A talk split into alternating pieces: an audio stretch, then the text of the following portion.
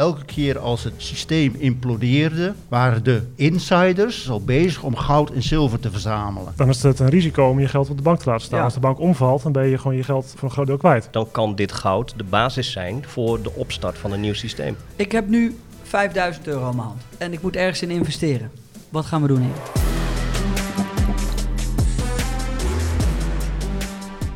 Welkom en tof dat jullie kijken naar Day One. Deze podcast van goud tot bitcoin. Ja, we zijn er weer. En dit keer met de mannen die het boek hebben geschreven.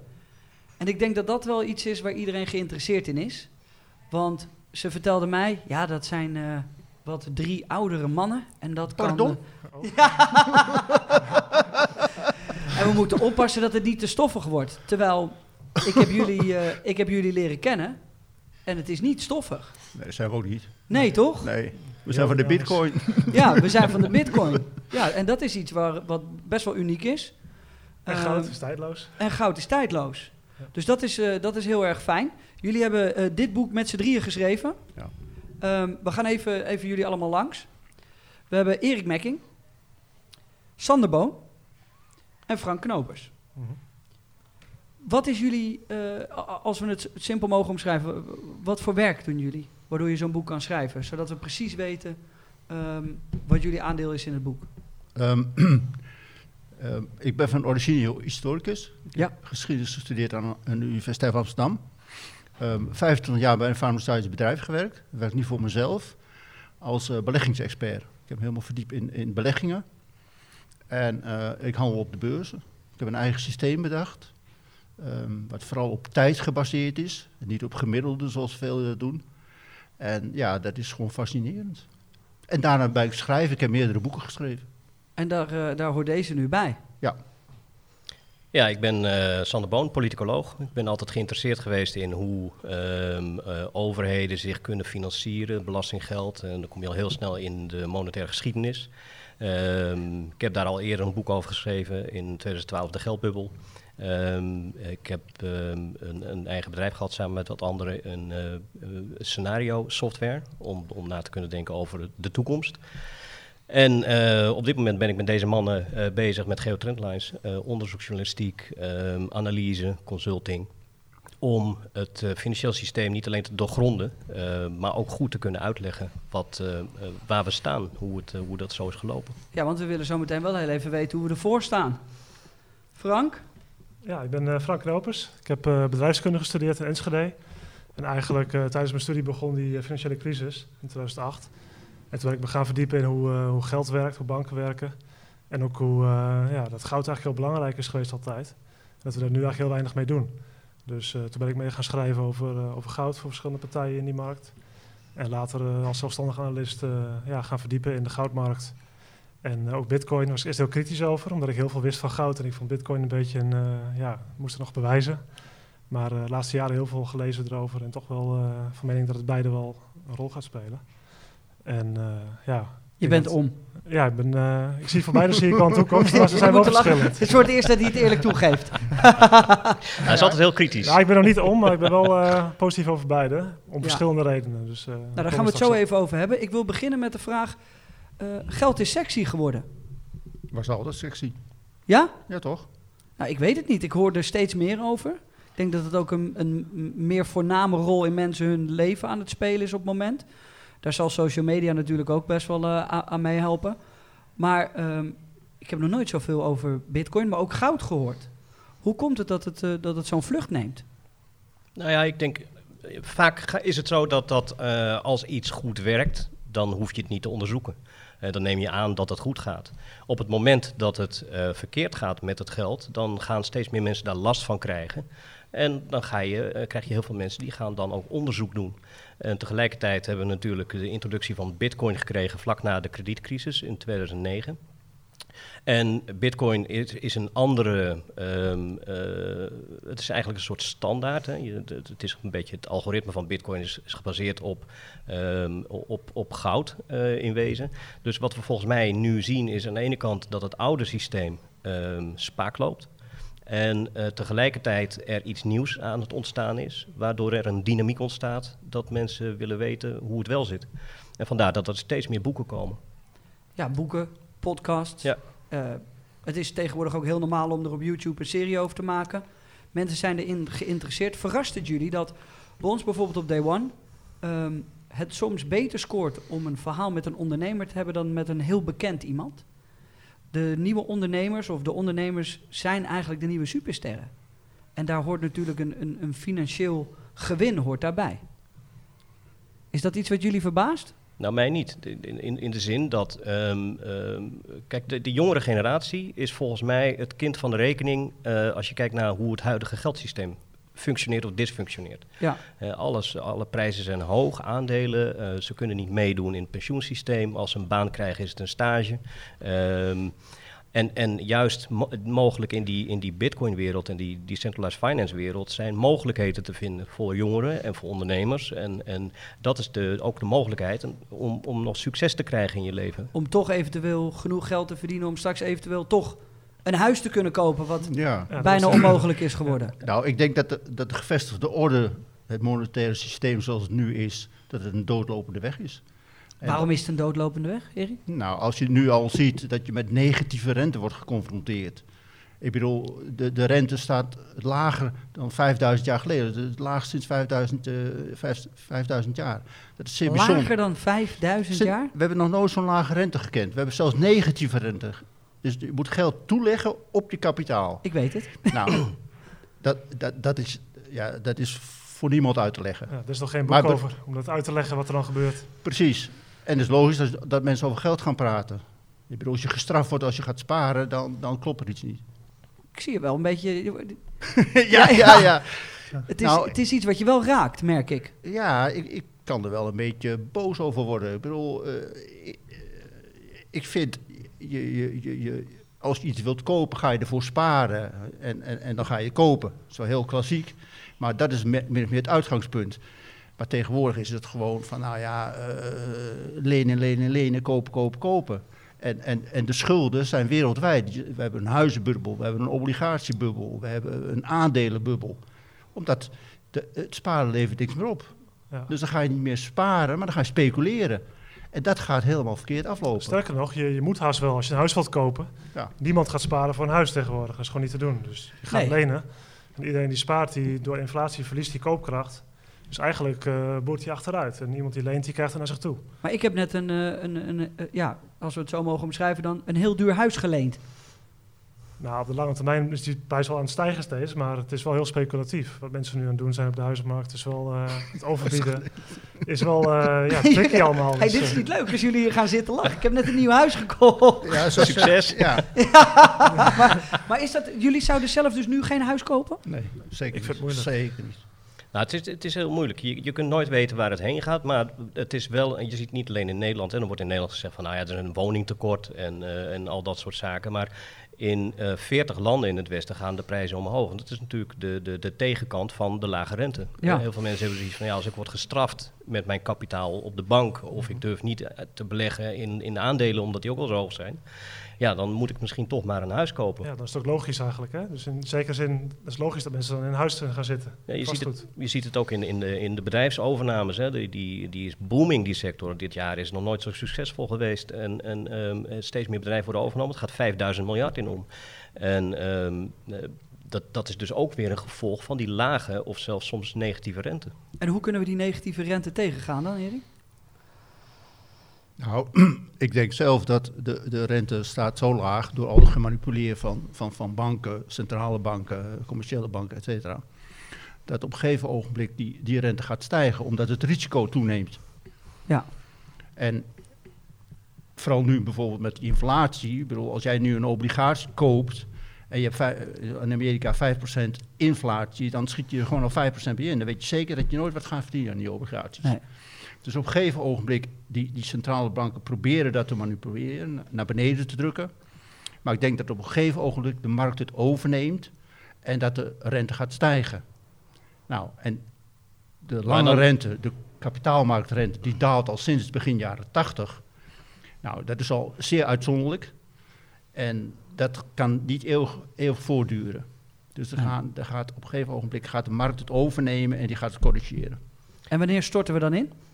Kunnen, Nee, jullie, kunnen jullie dat vertellen? Weten jullie dat? Je kunt nooit weten wanneer, maar wat, wat, wat Erik zegt, dat klopt inderdaad. Vanaf eh, 1980 daalt de rente al. Ja. Eh, maar dat betekent dat de, de, de, de waarde... Klinkt, klinkt als heel lang, maar dat is toch niet heel lang? Of? Ja, dat is voor... eh, Nou, dat is een vrij lange golf. Ja? Zeker omdat Ja. die al ehm, ehm, constant eigenlijk dalende is. En dat is ook een raadsel voor, voor centrale bankiers en voor monetaire economen. Ehm, als je kijkt naar sommige grafieken vanaf 2008, dan zie je de voorspellingen van centrale banken dat de rente omhoog zal gaan. Als je die grafiekjes ziet, dat, is een heel, dat zijn hele rare grafieken waar, je, waar zij constant denken dat de rente omhoog zal gaan. Maar toch En die blijft laag en, en, en daalt nog verder. En dat is een, een, een denk ik een, ehm, een complicatie in ons huidige systeem. Vroeger hadden we een goudstandaard. En dat was gebaseerd op bezit.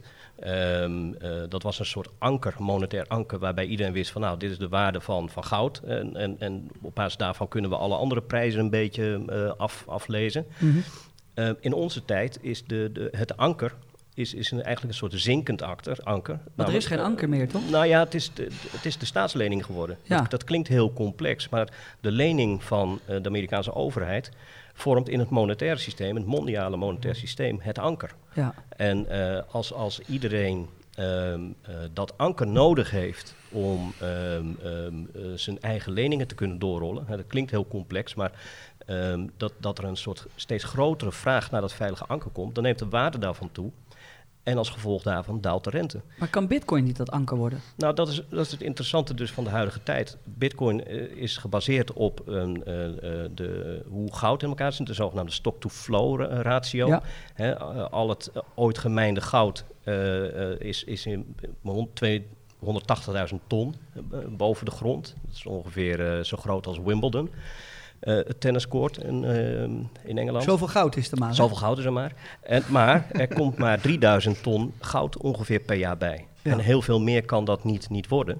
En dat betekent dat de, de, de, de hoeveelheid goud die boven de grond is, eigenlijk niet onderhevig is aan inflatie. Nou, en dat is natuurlijk ook met bitcoin. Die, die, eh, al het, eh, hè, er komen komt niet meer bij. Nou ja, nog een paar miljoen, 3 miljoen geloof Ja, ik. precies, Hè? maar Dus, eh, We 100 weten jaar- hoeveel er ongeveer is. Precies, dus, dus dat is denk ik ook de functie van, van Bitcoin. Het is doordat eh, er weer een, iets van een, een, een, een signaal wordt toegevoegd aan het hele monetaire en financieel systeem, zie je dat de rest niet goed functioneert. Nee.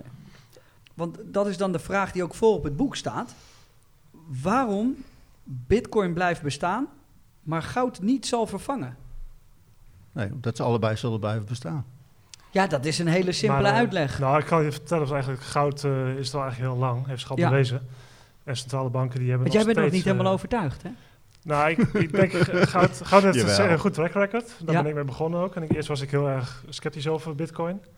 En eh, ik dacht van ja, dat wordt toch niks. Dus ik was, ik was eigenlijk gehinderd door eh, heel veel kennis over goud. En dat ik daardoor bitcoin niet goed eh snapte. Maar als ik nu kijk, zie ik dat bitcoin echt een heel solide eh, systeem is in zichzelf. De koers niet, maar wel hoe het werkt. En dat het eigenlijk gewoon een eh, functie kan vervullen voor, eh, voor landen als El Salvador. Landen in Afrika waar ze ja, meer corrupte regimes hebben of waar het betaalsysteem niet zo goed werkt en banken heel traag zijn. Maar, Dan heb je eigenlijk een heel goed alternatief met bitcoin. maar bitcoin, daar betalen ze in El Salvador mee. Maar Ja. ik hoor ook vaak dat bitcoin een store of value gaat zijn. Ja. Dus dat het opgeslagen, dus dat, dat, je geld wat je daarheen brengt, dat sla je op en daar wordt het voor- dan voor gebruikt. Ja. Net als bij goud. Ik denk dat de overeenkomst van goud en bitcoin is dat het geen tegenrisico kent. Ik bedoel, als jij een, goudstaaf hebt, dan, dan, dan is dat van jou. Dan ben je van niemand afhankelijk. En bitcoin is zo transparant met die blockchain technologie, dat je weet, precies weet waar wat zit. Ja, En we hebben het net over gehad, eh, die staatsleningen, wat we de afgelopen 30 jaar hebben gedaan, is ontzettend veel papiergeld creëren. Een grote bubbel. We hebben bijna geen inflatie gekend. Ik ben nog steeds van overtuigd dat we de schulddeflatie krijgen. Dus ondanks die berg aan papiergeld drukken, drukken, creëren we nog steeds weinig economische groei.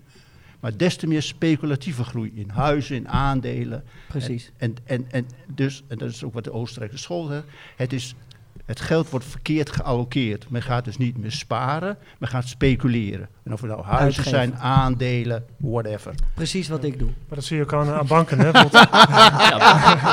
Dit is helemaal dit is goed. Maar eh, eh, eh, Frank, wat is, er, wat, is er, wat is er mis dan met ons geld? Met die briefjes die, waar ik net mee heb betaald? nou, eigenlijk is het niet echt een solide contract. Hè? Want geld is een soort van sociaal contract. Ja. Dat je afspreekt van, eh, ik heb een krediet, ik zet het op papiertje en eh, dan kun je het weer wisselen met elkaar. Maar eigenlijk hebben centrale banken nu de spelregels voor het geldsysteem. En commerciële banken. En die kunnen gewoon, eh, als je naar de bank gaat voor een hypotheek, dan komt er gewoon nieuw geld bij. Ja, En dat is op zich, eh, ja, op zich werkt dat wel, maar het is wel een heel instabiel systeem. Als mensen het allemaal gaan doen, dan krijg je dus enorme bubbels in activa. En dat mensen dan nog meer gaan lenen. waardoor het niets meer waard wordt. Ja, of dat er een correctie komt en dat iedereen in problemen zit. Zoals de, de restschuldproblematiek in eh 2009, 2010. Ja. Dus het geld is eigenlijk niet meer zo degelijk. En als dan de ECB gewoon eh, obligaties opkoopt. En nu al bijna de helft van de Duitse staatsschuld heeft en de Nederlandse staatsschuld.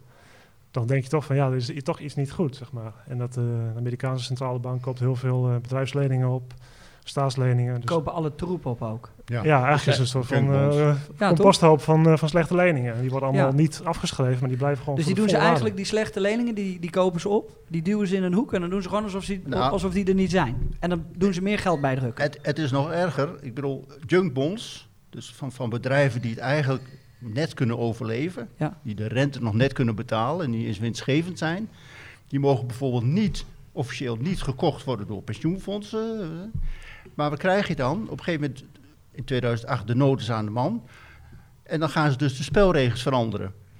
Dus de Federal Reserve koopt dan de junkbonds op. Ja. Wat normaal niemand mocht, dat gaan zij dus doen. Omdat ze weten dat ze anders een Ja, probleem ja, hebben. wat, wat er Ja. is gebeurd. Kijk, onder de goudstandaard hadden de centrale banken een hele duidelijke rol. Ja, want die goudstandaard, hè? Hoe, hoe zag die eruit? Nou ja, dat was een, een, ehm, je had een, een klomp goud in de kluis liggen. En de tegenwaarde, dat was, waren briefjes die circuleerden in, eh, in het publieke domein. En ehm, ehm, de, de Dus er was zoveel geld als dat er goud was. Er was zoveel geld als er goud was, in principe. Eh, dat hebben ze natuurlijk geleidelijk aan, hebben ze dat eh, steeds meer geld uitgedrukt. en, en dat klompje goud was steeds minder toereikend.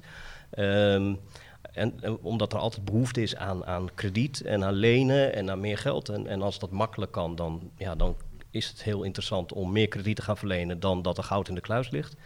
Ehm, en iedere keer als er dan een crisis was, een schuldencrisis, ehm, werd goud eigenlijk, eh, kreeg de schuld daarvan. Van ja, dat is te beknellend. En dat is eigenlijk een van de redenen dat, dat, dat goud langzaam uit het systeem is gemanoeuvreerd door centrale banken en ministerie van Financiën. Want overheden willen ook graag meer geld uitgeven dan er via belasting eh, geld binnenkomt. Altijd.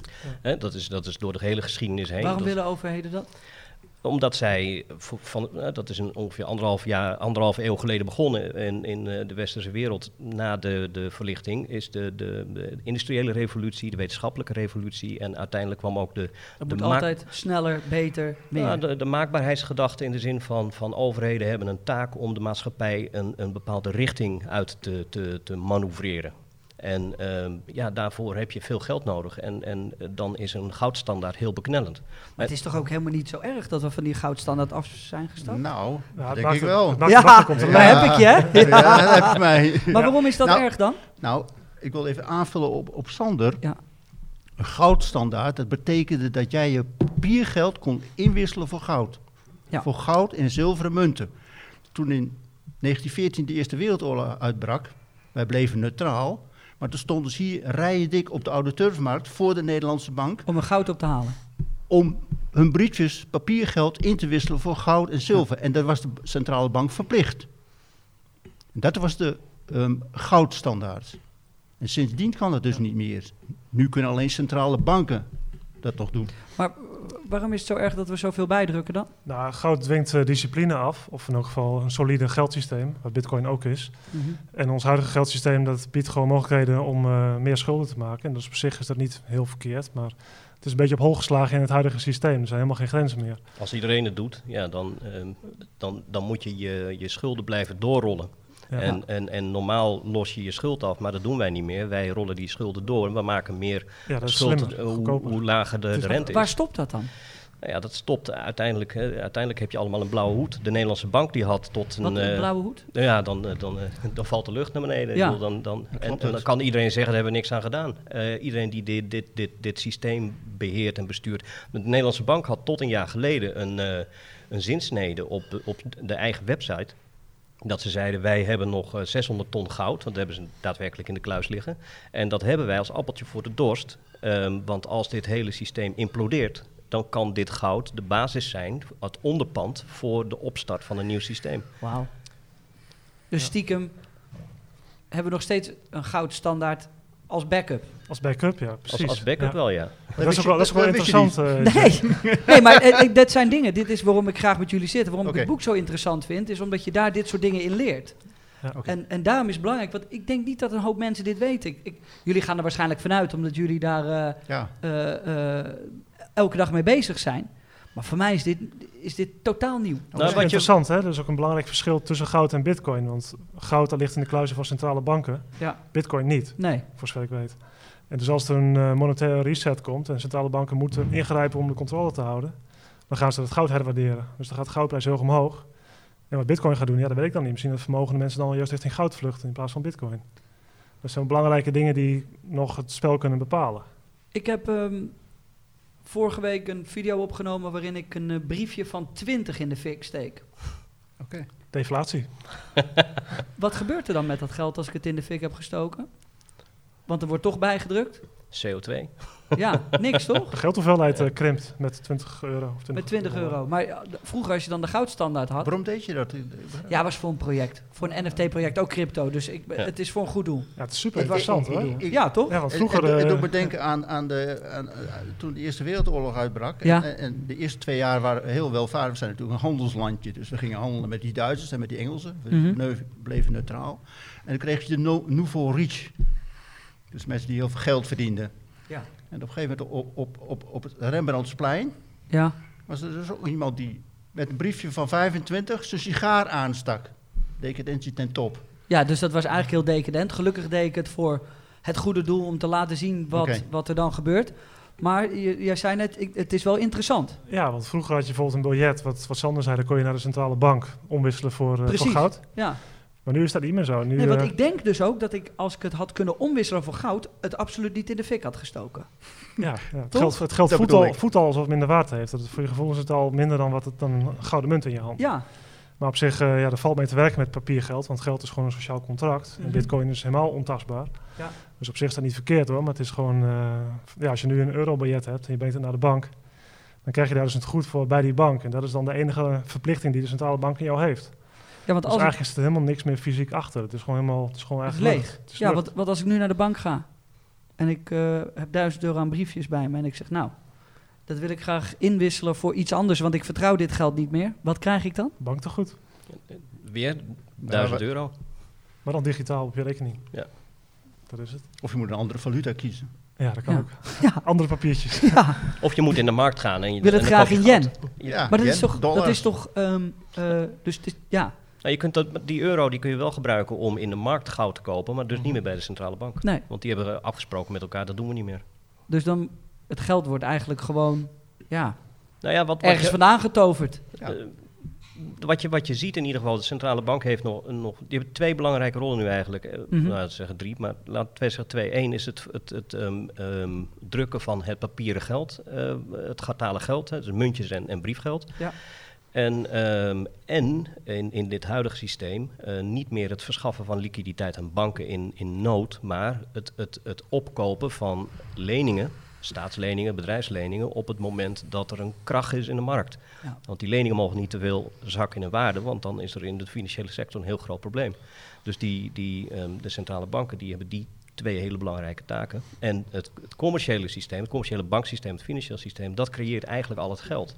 Als jij naar eh, de, de bank gaat voor een hypotheek, dan drukt die, of dan creëert hij niet, of een- probeert hij niet bij de centrale bank briefjes vandaan te halen om dat aan jou te geven zodat jij dat huis koopt. Nee, Ja. hij, hij doet dat op, een, op de balans, hij tikt wat getallen in. En ehm that's it. that's it. Ja. Ik heb nu 5000 euro hand. 5000 euro aan briefjes. En ik moet ergens in investeren. Of ik wil mijn geld veilig stellen. Het is net hoe je ernaar kijkt. Het is net wat je ermee wil. Wat gaan we doen, Erik? Goud en bitcoin kopen. Ja? Ja.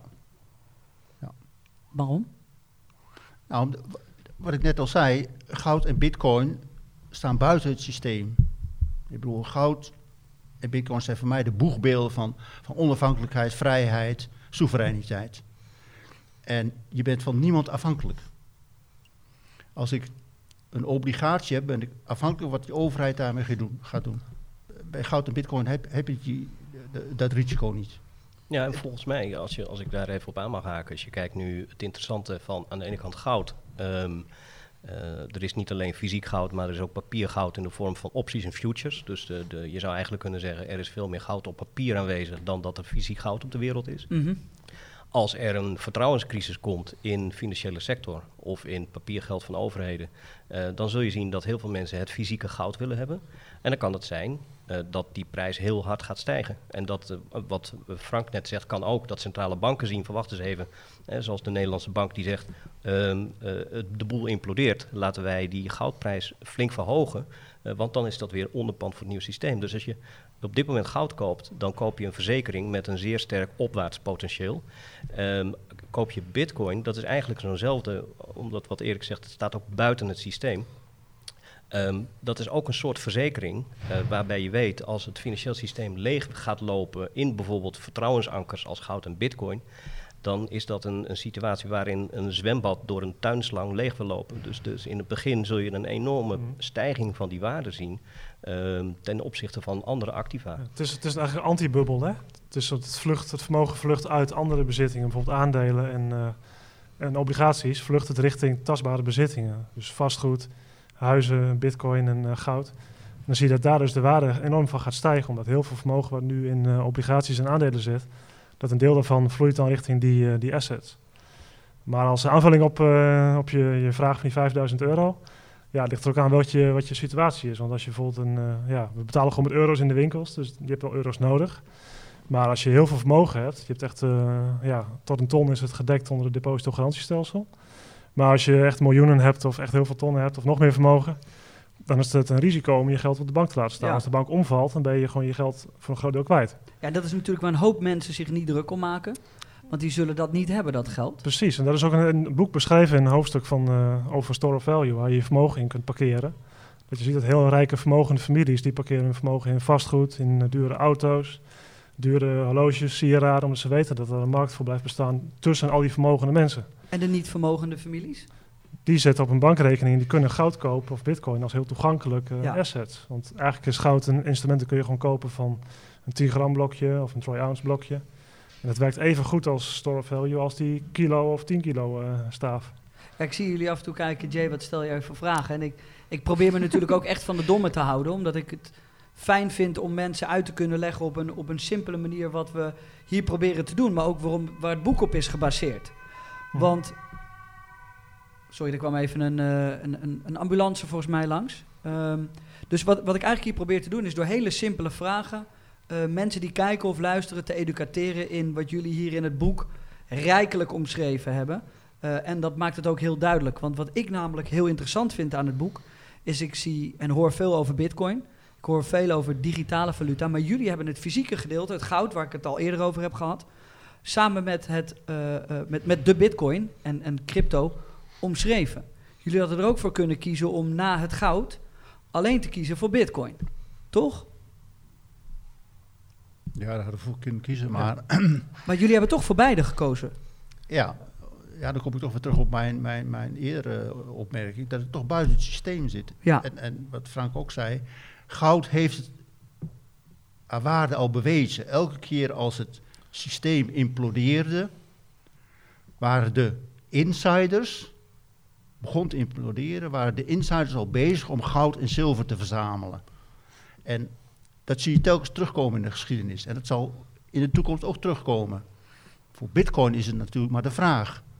Maar bitcoin zie ik nog steeds al- als een boegbeeld voor die cryptocurrencies. Maar de overheden zijn zelf ook bezig met hun eigen cryptocurrency. Ik bedoel, China is al heel ver. Die voert al een, een, een test uit in een paar steden. En dan hebben we het niet over een paar dorpen, dat zijn miljoenen steden elk. Dus die zijn al heel ver. En de Europese en Amerikaanse overheden willen ook cryptocurrencies. Alleen die lopen achter de markt aan, zoals altijd. Nou, die zijn, die zijn bevreesd voor, voor de snelheid waarbij die hele decentralized finance en, en bitcoin-wereld aan het groeien is.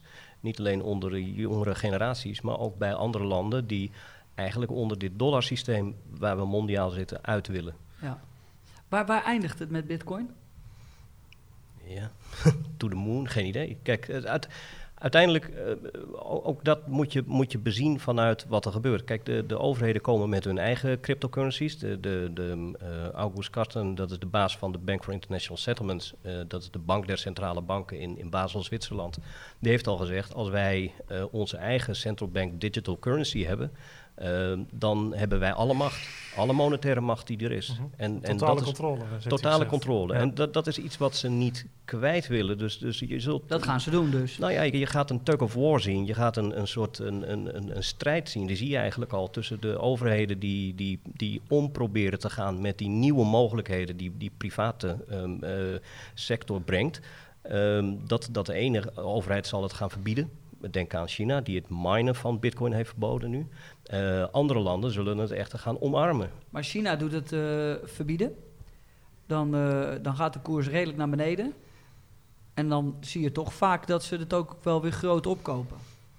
Ja, er zijn wel een paar partijen in de markt die denken van dit is interessant en die, eh, die zien het als een koopkans. Ja. Dus eh, dat, is, dat is inderdaad logisch. Maar dat doen ze in China vooral. Dat Ja, is in maar, ieder geval wat ik meekrijg. Maar China is al bezig met zijn eigen cryptovaluta. Ja, dat is het grote Maar dat is wel het verschil, Erik. Hè? Want eh, dat digitaal centrale bankgeld, dat is eigenlijk gewoon eh, een boekhouding op de centrale bank, eh, zeg maar, in hun systeem.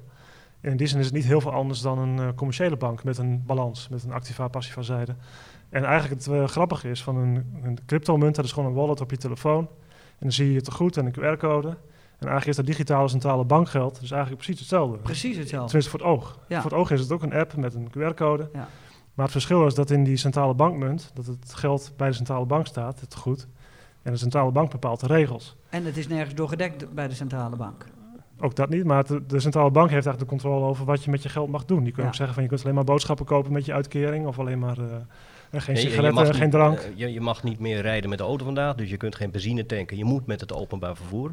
Dat kun je allemaal inprogrammeren Ja, in dat centrale bankgeld. Met Bitcoin kan dat niet. Bitcoin is echt gewoon helemaal neutraal. Daar heeft niemand iets over te zeggen. Dus dat is een heel belangrijk verschil. Dat, dat is eigenlijk het spanningsveld van Bitcoin is eh, privaat geld. Dat gaat buiten de, de autoriteiten om eigenlijk. Mhm. En goud ook. Alleen goud is analoog en Bitcoin is digitaal, maar het is beide privaat. En eigenlijk eh banktegoeden van de ING, ABN, dat is allemaal publiek geld. En er zit allemaal regulering omheen en allemaal banken die allemaal aan wetten moeten voldoen. En aan de centrale bank gekoppeld zijn. En eigenlijk is digitaal centrale bankgeld gewoon een opvolger van, van het contante geld, wat ook gewoon publiek geld is. Precies, maar als ik naar bitcoin kijk, Erik, dat is toch nu gewoon, eh, wordt gezien vooral als goede investering om geld mee te verdienen? Ja, door heel veel mensen wel. Ik bedoel, twee weken geleden was er weer een nieuw record voor bitcoin. Maar het is heel erg volatiel momenteel. Ehm, dus je moet wel heel goed opletten wanneer je instapt eh, met het aankopen van bitcoin. En ehm, ja, de, de, de, de, de toekomst moet het uitwijzen, maar ja, ik denk dat, dat door de transparantie dat, dat bitcoin wel een hele mooie toekomst heeft. En niet alleen bitcoin, de andere cryptovaluta ook. Goud? Wat gaat daarmee gebeuren? Nou, goud zie je dus wel dat, dat, dat jongeren vooral meer bitcoin-minded zijn. En dat goud meer voor de iets oudere jongeren is. Daarom heb ik het beide, ik zit er precies tussen. Jullie hebben alleen maar goud. Ik heb meer goud dan bitcoin, dat wel. Ja, ja, ja, maar dat is logisch. Ja, ja. Maar goed, maar, maar, maar dat zie je dus wel. Ja, En dit is ook waarom wij dit boek hebben geschreven. Goud heeft het bewezen. Dat kunnen we gewoon aantonen. Bitcoin is wat, wat recenter, maar nog veel onbekender. En daar zien we wel een grote toekomst voor in. Dus we hebben dat goed uitgelegd. Wat is Bitcoin? Wat is, dat is die blockchain-technologie? En wat zijn de mogelijkheden? En dat zal jongeren meer aanspreken dan, dan ouderen. Om in te investeren, denk ik. 100% mee eens. Nou, Het, het- die, zijn er, die zijn er veel sneller nu uh, aan. Ik denk dat jongeren nu eerder horen over bitcoin.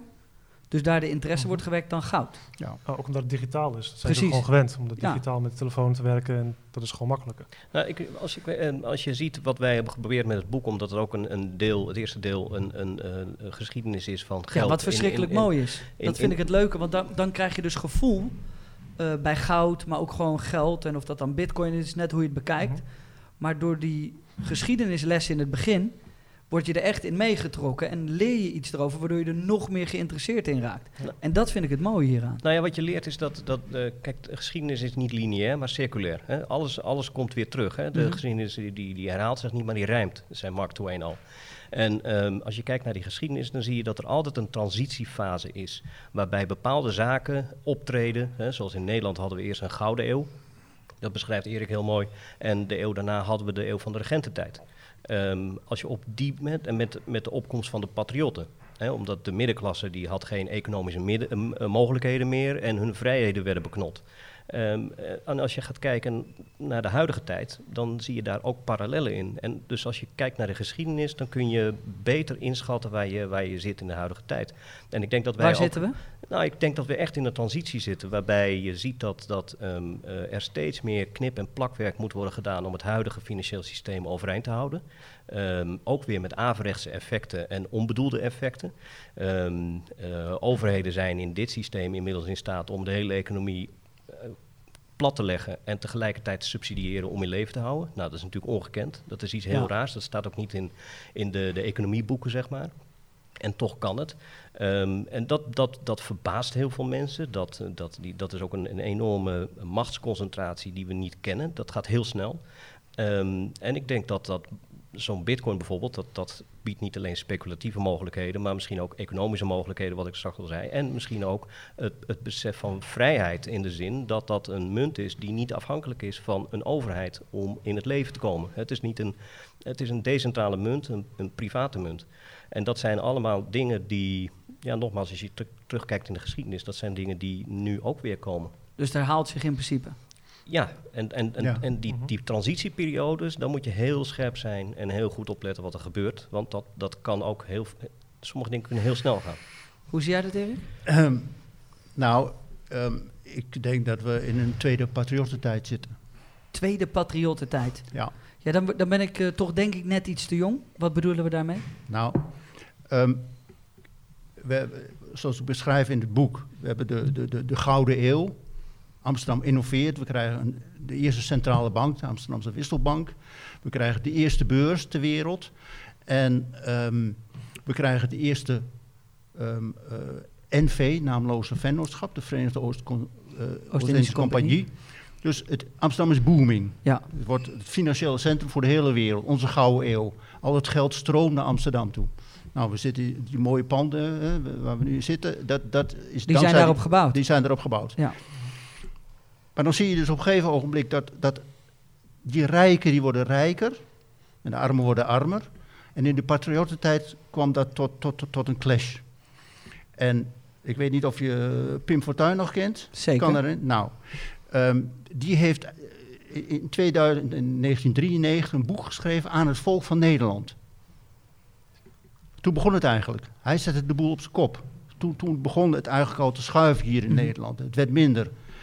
En weet je wie zijn grote voorganger was?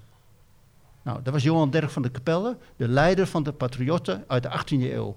En die heeft destijds een pamflet geschreven aan het volk van Nederland. Daar refereerde Pim Fortuyn naar. Pim Fortuyn zag Van de Capelle als zijn grote voorganger, zijn grote voorbeeld. En Pim Fortuyn en ook Van de Capelle waren tegen achterkamertjespolitiek, tegen vriendjespolitiek. En Van de Capelle die vocht voor de democratie. En ik denk dat we nu bezig zijn om te vechten voor het behoud van onze democratie. Dat is duidelijk. En ik denk ook een, een, een, een, mooi stukje wat laat zien, wat jullie hier ook in, in, in het boek schrijven, is het is ook handig om die, die, die geschiedenisles te leren. Ehm, maar ook heel interessant om te lezen, omdat je dan, ja, ik wist dat ook allemaal niet, totdat ik het ben gaan lezen. En dat, dan eh, heb je ook meer het gevoel dat je echt aan het vechten bent voor je geld. Dus je weet waarvoor je het doet. Het is niet alleen ehm, ehm, het, voor de munt in je zak, maar ook voor een stukje democratie. Ja, zeker. Ja, zeker. Ja. Als we gaan kijken, we hebben natuurlijk even over, eh, over goud en bitcoin gehad. Zilver, waar spe- speelt dat nog een rol? Eh, dat is grappig, want ik heb een boek geschreven over zilver, Ja, al een jaar of acht geleden. En, eh, ben ja, niet zil- helemaal gek. Zilver is, eh, ja, dat is eigenlijk, ik was vroeger meer van zilver eigenlijk. Want Ja. Ik dacht van dat is mooi makkelijk met betalingen. Goud is dan misschien te duur of zo. En eh, zilver was dan eh schaarser, maar ik heb gaandeweg meer erover gelezen. En ik kwam eigenlijk tot het inzicht dat heel veel van die theorieën eigenlijk gewoon eh, ja, toch anders liggen eigenlijk. En zilver is meer een, meer een grondstof. Je moet zo zien, de helft van, de, van Ja, het we hebben aanbod het dus van heel zilver. hard nodig. Ja, ja, en dat maakt het eigenlijk ook ongeschikt als geld. Want ik heb ook een stuk geschreven in het boek over waarom goud een goed spaarmiddel is. Juist omdat het heel weinig nuttige toepassingen ja. heeft. Ik bedoel, als ik allemaal vastgoed ga opkopen met mijn geld, als ik heel rijk ben, dan worden de huizen heel duur. En dan hebben starters last van. Dan ben ik dus eigenlijk niet echt een gunst aan het verlenen aan de maatschappij. Nee. En als ik heel rijk ben en ik koop gouden munten, ja, dan worden de sieraden een beetje duurder en de, en de elektronica. Maar dan is het niet echt een probleem voor andere mensen. Nee. En eigenlijk vroeger hadden we ook gewoon zilveren muntgeld, omdat zilver toen niet heel veel functies had. Anders dan wat decoraties en sieraden. Maar nu gebruiken we zilver in eh, elektrische auto's, en ja. zonnepanelen, waterfilters. Echt heel veel toepassingen hebben we daarvoor. Dus eigenlijk is het dan jammer om dat zilver te gijzelen in, in het muntgeld. Als dat niet nodig is. Dus eigenlijk zijn we gestopt met zilveren munten, omdat we het zilver nuttiger konden gebruiken in de industrie. Ja, Dus in die zin is het eigenlijk veel beter om goud te hamsteren dan zilver te hamsteren. zeker. Maar eh, zilver is wel een goede investering op het moment. Het is heel speculatief. Het, is wel, eh, het beweegt hard op en neer. Meer dan goud. Maar ik denk dat als echt een, eh echt de shit hits de fan, dat eh, goud het veel beter gaat doen dan zilver. Dat Ja, zilver die- eigenlijk gewoon eh, ja, meer het industriële metaal is en niet het, eh, Ja, spaarmiddel. Als ik er even op mag inhaken. Nou, graag. Ik, ik heb ook een boek geschreven, Geld, Goud en Zilver. Ja, die heb ik gelezen. Ja, en die, die, die loopt nog steeds, de verkoopt nog steeds. Precies tien Ben je die gewoon niet ongegeneerd ook aan pluggen? Ja. Zo ben ik ook wel weer. En ehm, ja, die heb ik precies tien jaar geleden uitgebracht. Ja. November, eh, 2011. ja, precies tien jaar geleden. Ehm, en het klopt wat, wat, wat, wat Frank zegt. Maar je moet zilver ook zien als poor man's gold. Ik bedoel, niet iedereen kan, kan een, een staaf goud kopen. En in het verleden heeft zilver ook een monetaire functie gehad. En ik denk dat, dat, dat als belegging zilver nog steeds een, een goede toekomst heeft. Want als steeds meer mensen, als het systeem krak zegt, zullen steeds meer mensen naar goud en zilver vluchten. Maar niet zal, iedereen kan het goud betalen. precies, poor man's gold, dan gaan ze naar zilver toe. Ja. Twee laatste vragen. Ik wil van jullie alle drie drie cryptocurrency horen. Waar jullie van, nou ik wil niet zeggen direct ondersteboven zijn, maar waarvan je denkt, nou dat heeft echt value. Het mag geen bitcoin zijn. Oeh, goede vraag. nou, eigenlijk, eh, ik zie bitcoin een beetje als de, de, de goudstandaard onder de cryptomunten. Ja. Dus eigenlijk kun je daar haast niet omheen eigenlijk. Dus eh, ja, ik zit ook eigenlijk vooral in bitcoin. Mhm. En daarnaast vind ik eh, Ethereum interessant, omdat het gewoon een grote munt is die zich al Mhm. heeft bewezen. En die heel veel eh toepassingen heeft voor NFT en voor DeFi. Dus Ethereum zou ik kiezen. En je hebt nog munten, ja, zoals Solana ben ik aan het lezen. Dat is een nieuw soort munt. En die heeft een ander eh, verificatiemechanisme, waardoor je transacties veel sneller kunt verifiëren.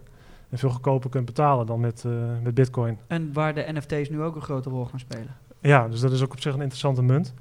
Maar eh, ik ben zelf echt, eh, ja, ik volg al verschillende munten en ik ken ook al verschillende munten, maar eh, ik zou echt meer op goud, of ja, de goud onder de, de bitcoins, onder de cryptomunten zal ik kiezen. Ja, Dus bitcoin, ethereum en dan misschien nog een andere, ja, beetje risicovoller. Een, meer risicovolle misschien, ja. Ja, maar is absoluut geen advies trouwens, hè, dat we dat heel even weten. Maar dat is ook het grappige, hè. We hebben een paar cryptomunten in het boek staan, maar Ja. het is een, het huidige stand van zaken. Maar over een jaar kan het misschien weer totaal anders zijn. Precies, Dus dat kan het allemaal weg zijn. Erik, heb jij ze ook voor mij of niet?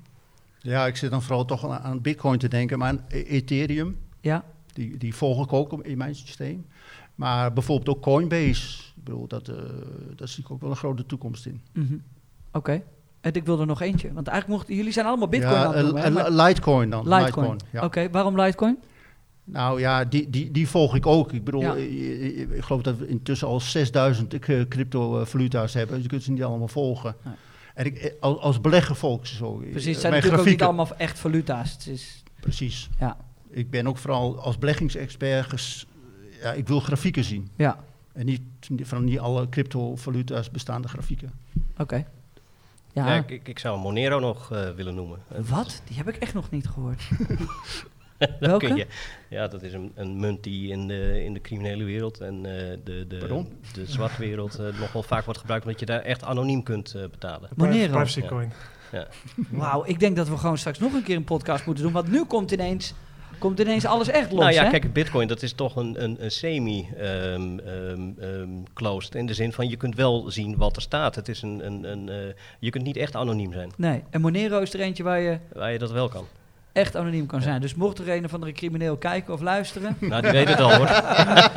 hier heb je het advies gekregen. Mijn excuses. En heb je, heb je er nog één of twee waarvan je denkt, nou, dat Nou, vind ik wel E- interessant? E- Ether, Ethereum vind ik Ja. inderdaad wel een, eh, een interessante. mooi, hè? want die hoor je pas echt de laatste maanden durven mensen pas openlijk te zeggen.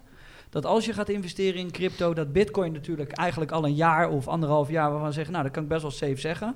Maar nu hoor je steeds meer echt Ethereum er ook bij komen. Zo van ook die twee moet je hebben. Nou ja, ze gaan naar een ander systeem. hè, Een, een eh, pro- 2.0. proof of work in plaats van pro- eh, Proof of stake. proof of Proof of stake in plaats van Ja. proof of work. work. En, eh, en dat, dat gaat een, een, een.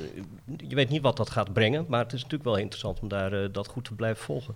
Maar je en hebt, Solana. je hebt natuurlijk altijd de innovators, ik bedoel, die, die, die zien die kansen. Ja. En dan krijg je die imitators, die gaan volgen.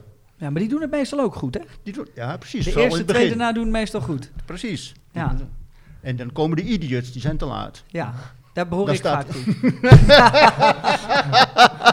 Sola- Solana, jij riep ook nog even Solana? Ja, Solana, want dat is een eh, de blockchain op blockchains. Ja. Een interessante, een, een hele ander idee. Ehm, ja, en, en, en eh, Tether, hè, dus dat is een stablecoin. Maar, Dus de, eh, de, de, de US dollar Ja. volgt die een Ja. beetje, Het, toch? int- Ja, het ja. interessante is, wij begrijpen- beschrijven in het eh, tweede deel van dit boek heel erg hoe de, de dollarstandaard is geëvolueerd. En, en eh, hoe de dollar eigenlijk privaat is geworden in de eurodollar. Het staat er allemaal in, misschien wat technisch, maar in de jaren 50 kwam dat op. En, en eigenlijk zou je kunnen zeggen dat eh Tether de rol vervult van de private eurodollar in de jaren 50, 60. En, en daar zie je heel veel parallellen in, omdat die Tether wordt gebruikt als, als intermediair tussen verschillende stablecoins. Ja. En, en, en andere coins. Ja. Nou, dat is eigenlijk ook de rode draad in het boek. Dat we van zeg maar een goudstandaard zijn gegaan naar een goudwisselstandaard. Van een goudwisselstandaard naar een goud-dollarstandaard. En dat nu een standaard van staatslening is. Ja, En staatsleningen, dat, dat zijn gewoon schulden. Dus een systeem wat ge- gebaseerd we leven is op schulden. Ja. op louter en alleen, maar het hele systeem gebaseerd is op louter en alleen schulden. Mannen, en, dat, en dat maakt het heel erg fragiel. ik, ik kan nog uren met jullie praten. En dat gaan we denk ik ook nog wel doen. Dit zal niet eh, de, de eerste podcast zijn, maar jullie beginnen nu pas echt... eh, begint- ja, we, Nu hoor- we nu hoor- warm. nu hoor ik dingen waarvan ik denk... eh, ehm, even kort, waarom, waarom eh, zouden we dit boek, boek, boek... Waarom zouden we dit boek moeten aanschaffen? Ik denk dat het een heel goed instrument is voor mensen om, om zich te verdiepen in die materie. En om Ja. die parallellen te zien met het verleden. En ook te begrijpen de, de probleemanalyse van de huidige tijd. Qua economische kant ervan. En ook eh, dat mensen dan zelf kunnen nadenken erover en zelf tot een conclusie kunnen komen. Want eigenlijk hebben we de ondertitel van waarom bitcoin blijft bestaan, maar goud niet zal vervangen. Die gaan we niet hapklaar beantwoorden in het boek. Mensen moeten het boek gewoon lezen, zelf erover nadenken. En dan geven ze verschillende stukjes wat ze kunnen ja, afwegen. En dan kunnen ze zelf tot een oordeel komen. Als je dit hebt gelezen, dan kan je echt je eigen mening vormen over hoe jij denkt Ja. dat de wereld zich gaat bewegen. Hè? Dat is het mooie. Nou, ik denk dat je een beter begrip krijgt over het geldsysteem. En zoals Henry Ford al begin vorige eeuw schreef, als mensen vandaag het geldsysteem begrijpen, breekt morgen de revolutie uit. Nou, dan moeten we met z'n allen eens even gaan lezen, toch? Precies. Nou ja, ja en, wat, en wat ik vaak zeg, en de, een van de redenen waarom ik denk dat het goed is om, om deze kennis op deze manier tot je te nemen, is dat, dat met de analyse die wij neerleggen, ehm, je in wezen een scherpere foto maakt van het heden. Eh, hoe, hoe zijn, wat gebeurt er nou eigenlijk? Hoe zijn we hier gekomen en hoe zit het nou eigenlijk in elkaar? En pas als je een hele scherpe foto hebt van, ehm, van het heden, kun je ehm, goed nadenken over wat er in de toekomst zou kunnen gebeuren. Eh, in plaats van dat je op het verke- verkeerde been wordt gezet.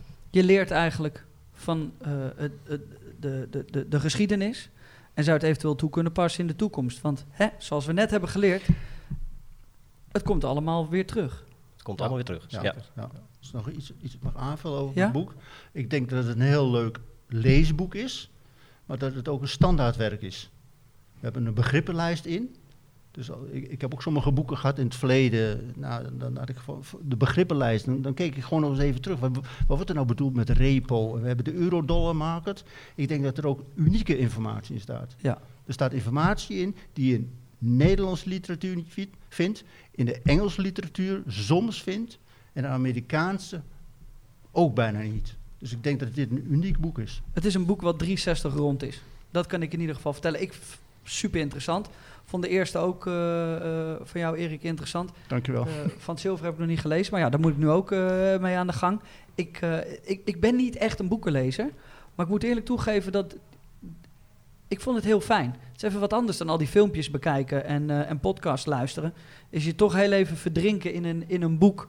En uh, het, het, stukje geschiedenis erbij maakt het heel leuk. En voor mij ook visueel terwijl ik aan het lezen ben. Okay. Mannen, mag ik jullie bedanken voor deze podcast. Ik nodig jullie graag nog een keertje uit. Um, voor iedereen die nu kijkt. Mocht je dit boek willen bestellen, dat kan. Gewoon heel even in de beschrijving kijken. En wat we gaan doen, um, we gaan er misschien ook even eentje weggeven. Moet je naar onze Instagram gaan, Day One Lifestyle. Daar kan je een gesigneerd boek gewoon proberen te winnen. Maar ik zou je adviseren, wil je hem echt te pakken krijgen, koop hem, leg hem onder de kerstboom. Geef hem voor Sinterklaas weg. Het kan allemaal, want het leukste is als je mensen wat kennis geeft. Dank jullie wel voor het kijken. Vergeet niet te abonneren. En we hebben natuurlijk ook nog een ander nieuw YouTube-kanaal. We gaan de financiële wereld nog dieper ontdekken met WTF What the Finance. Ga daar naartoe. Staat ook gewoon in de beschrijving. Daar zijn deze filmpjes ook los te vinden. Want misschien heb je wel geen zin om een hele podcast te luisteren. Dank jullie wel voor het kijken. Dit was Day One en ciao.